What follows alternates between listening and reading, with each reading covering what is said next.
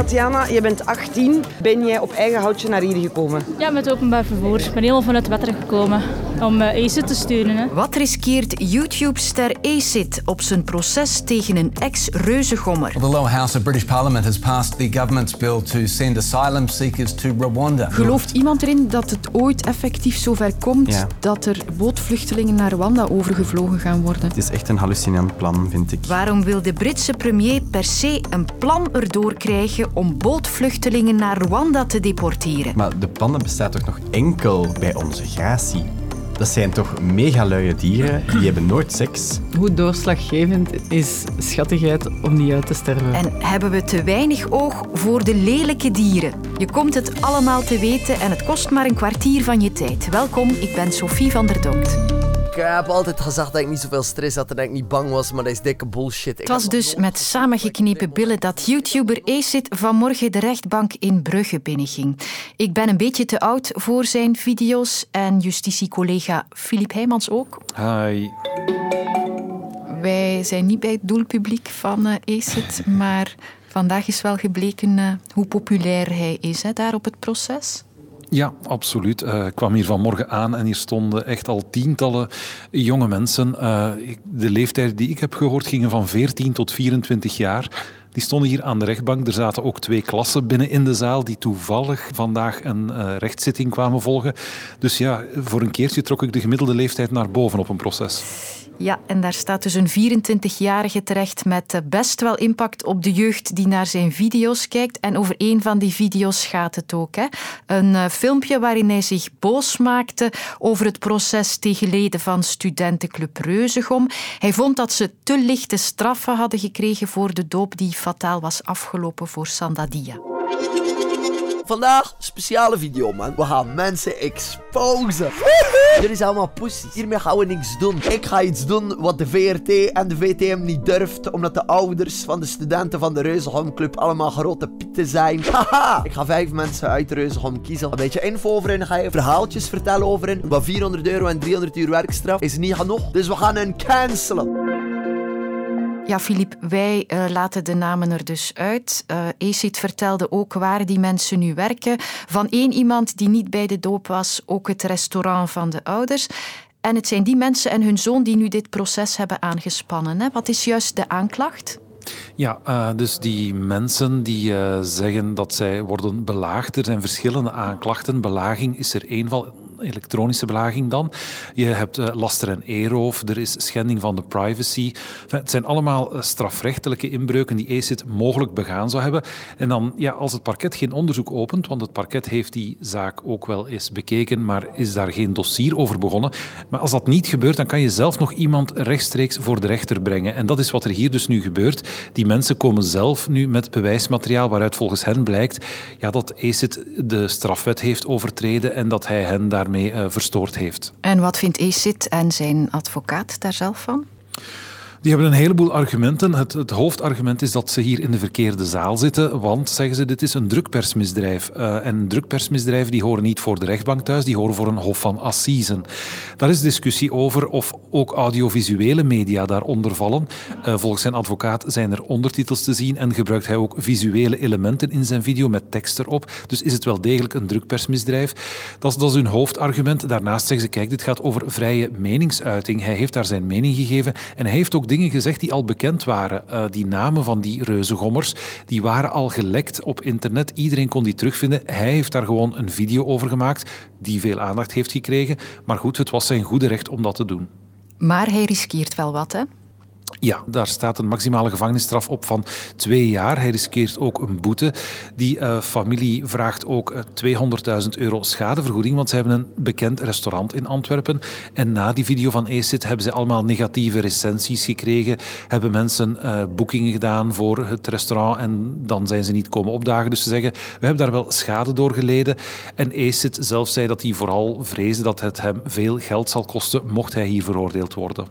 Er is wel veel verontwaardiging hè, over wat eh, ACID riskeert. Zelfs CD&V-voorzitter Sami Medi heeft zich vorig jaar nog in dat debat gemengd. Wat hij mij ook nog eens moet uitleggen, dat is hoe dat het komt dat de straffen die ACID mogelijk kan krijgen, dat die nu blijkbaar bijna hoger oplopen dan de werkstrafjes die de reuzengommers hebben gekregen. Ja, veel mensen vinden het onbegrijpelijk dat ECIT zwaardere straffen riskeert dan wat de reuzengommers gekregen hebben voor iemand die gestorven is. Ja, klopt. Uh, nu, dat is natuurlijk nog af te wachten. Het is niet omdat dat hier gevraagd wordt dat hij dat ook zal krijgen. De advocaat van die reuzengommer zegt van eigenlijk snap ik ook wel die woede over die lichte straffen en ik snap zelfs de discussie over uh, de vraag of die namen gegeven hadden moeten worden in de media. Maar hij moet er geen onschuldige mensen gaan bijsleuren. Hij moet het dan hebben over de reuzengommers die erbij waren over de doop en niet over reuzengommers die er toen al twee jaar niet meer bij waren. En de, de procureur heeft toch even het woord genomen en heeft gezegd kijk, ik snap die klager, ik snap die reuzengommer. ECIT die heeft hier aanklager en rechter tegelijk gespeeld. Die wil ons terug naar de tijd van de schandpalen en de lynchpartijen. Dat kan niet. Dus ik vraag een principiële, maar wel een duidelijke bestraffing. Dus als de rechter daarnaar luistert, dan zal het eerder een symbolische tik op de vingers worden voor ECIT, denk ik, en niet een zwaardere straf dan die reuzengommers.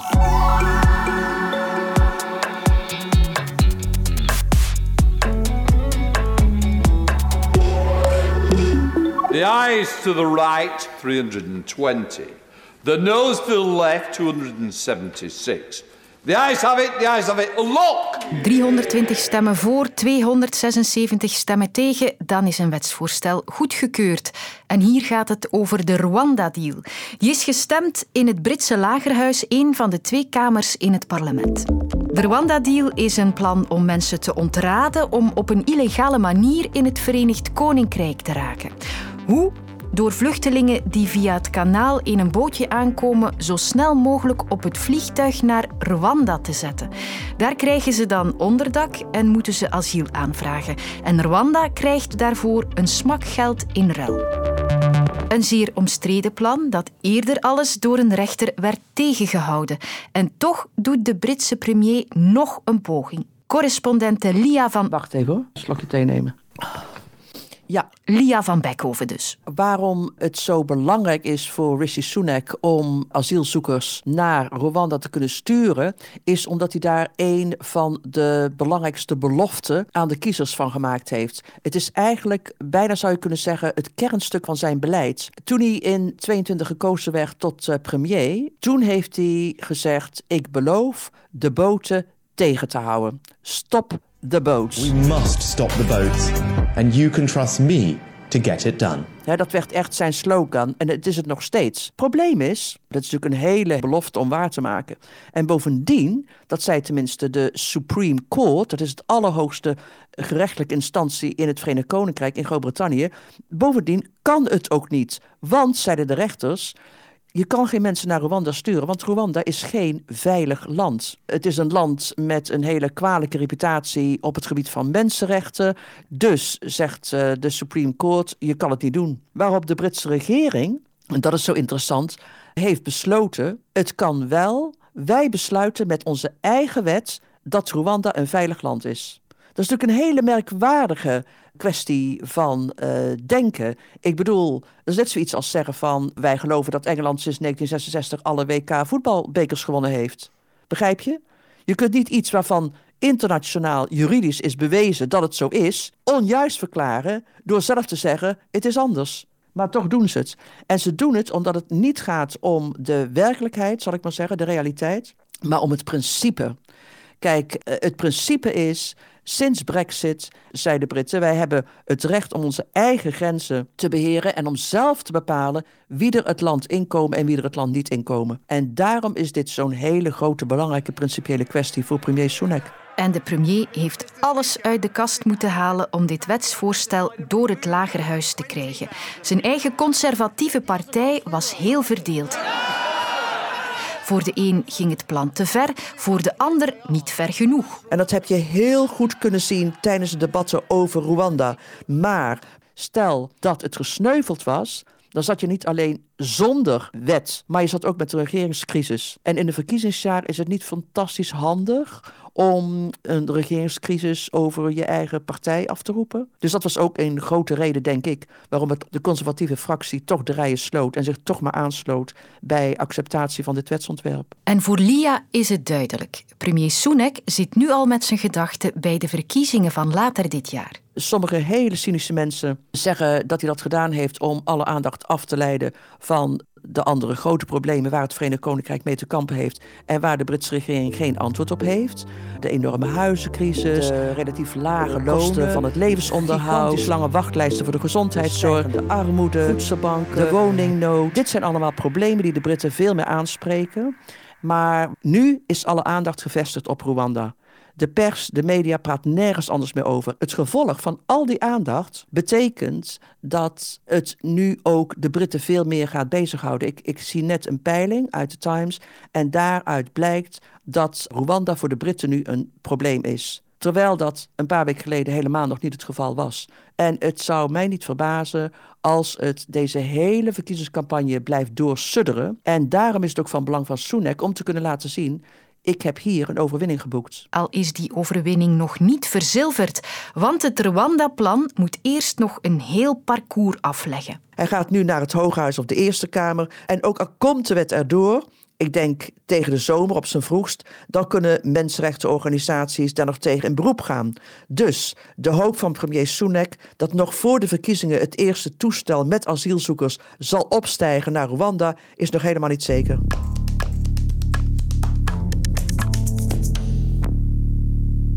Vanmorgen op onze briefing kreeg ik mysterieuze vragen voorgeschoteld. Ik moest een dier blijkbaar toch punten geven op onder andere schattigheid. Het is een soort van oranje-groene drek. En dan, Sophie, het is helemaal iets voor u. How would you rate this animal in terms of being cute, dangerous of intelligent? En dan moet je sterretjes uh, geven. Wow. Dus dat is een dier. Dat is een dier. Vind je een steen met of op? Schattig niet. Nee, nee. zo bestempel ik dat niet. Mag je, mag je één sterretje van de tien op schattig of, of geen enkel? Zielig als je geen ster ja, geven. we zullen hem eentje geven. Ja. Wat is dit? Vind je dat het er gevaarlijk uitziet? De... Ook niet. Nee, niet echt. Precies niks. Eentje. En vind je dat het er intelligent dat uitziet? Dat helemaal niet kunnen zeggen. Nee. Okay. De platte steen. Dus uh, we hebben het hier over het WASP-project. Dat is het acroniem voor de World Archives of Species Perception, dus de wereldarchieven van de perceptie van uh, soorten. Dit is Maarten van Hoven, bioloog en onderzoeker aan de U Hasselt. Hij verklaart zich wat nader. Dat is een, um, een onderzoeksproject waar we eigenlijk met inbreng van de burger uh, graag een idee zouden, kunnen, zouden willen krijgen van wat precies bepaalt hoe mensen aankijken tegen bepaalde diersoorten. Uh, specifiek eigenlijk gebaseerd op hoe die diersoorten eruit zien. Op de website van WASP kan je meer dan 2000 dieren beoordelen. En daar hebben de onderzoekers een heel goede reden voor. Wij vermoeden dat de manier waarop mensen naar dieren kijken eigenlijk heel sterk bepalend is voor de aandacht die die diersoorten krijgen van beleidsmakers of van natuurbeschermingsorganisaties of van het brede publiek in het algemeen. En dat dus bijvoorbeeld dieren die er lief of, of schattig of leuk uitzien, meer aandacht krijgen. Meer aandacht zou kunnen betekenen dat bijvoorbeeld natuurbeschermers er makkelijker fondsen voor vinden. Enerzijds is het zo dat dat niet per se de problemen van die dieren oplost. We zien dat er heel veel heel bekende, heel charismatische diersoorten zijn die er in de natuur helemaal niet goed aan toe zijn. The African lion is under threat. In the wild, numbers are in decline. Het meest bekende voorbeeld denk ik is de leeuw in Afrika. Anderzijds is het zeker zo dat heel veel dieren die misschien visueel voor de meeste mensen niet zo uh, mooi zijn, niet zo aantrekkelijk zijn, wel heel veel waarde hebben in de natuur, heel belangrijk zijn voor het ecosysteem. Um, eigenlijk ecosystemen um, niet zouden kunnen functioneren zonder hen. In ons concreet geval denken we dan bijvoorbeeld aan platformen. Ik ben zelf gespecialiseerd in, in platformen, zoals veel collega's aan de UA Ik denk dat weinig mensen zo voor de vuist weg hun favoriete platform zouden kunnen noemen of een, zomaar een voorbeeld zouden kunnen geven van een visueel mooi ogende platform, hoewel die er zeker wel zijn. Enorme grote invloed op, um, ja, op heel veel ecosystemen, ook op de gezondheid van veel mensen en, en dieren. Maar allicht een groep die visueel voor veel mensen veel minder uh, de aandacht trekt. Vanaf 100.000 deelnemers kan Maarten met zijn team de resultaten beginnen te verwerken. Sowieso is het de bedoeling dat deze survey ook leidt tot een openbaar beschikbare databank van perceptiegegevens gelinkt aan die verschillende foto's. Dan dat onderzoekers ook na ons ermee aan de slag kunnen. Want we denken dat dit heel belangrijke basisdata gaan kunnen zijn om een eerste begrip te krijgen van de factoren achter hoe mensen naar, naar dieren kijken. Want er zijn dus wel al hier en daar wel meer fragmentaire studies gebeurd naar hoe mensen aankijken tegen eh, een bepaalde diergroep ergens ter wereld. Dus, dus laten we zeggen een tropische visser of vlinders in Australië of zoiets. Dit is de eerste keer dat de stalkaart zo, zo breed is over, over heel het dierenrijk. En hoe je tegen het kwartier aankijkt, mag je zeker ook laten weten door sterren te geven in je podcast-app. Tot morgen. Fan van de podcast 90 Minutes of weet ik veel? Kom dan een aflevering live bijwonen op het live podcast-event van VRT Max op zaterdag 9 maart in Mechelen. Alle info en tickets op VRT Max-podcast.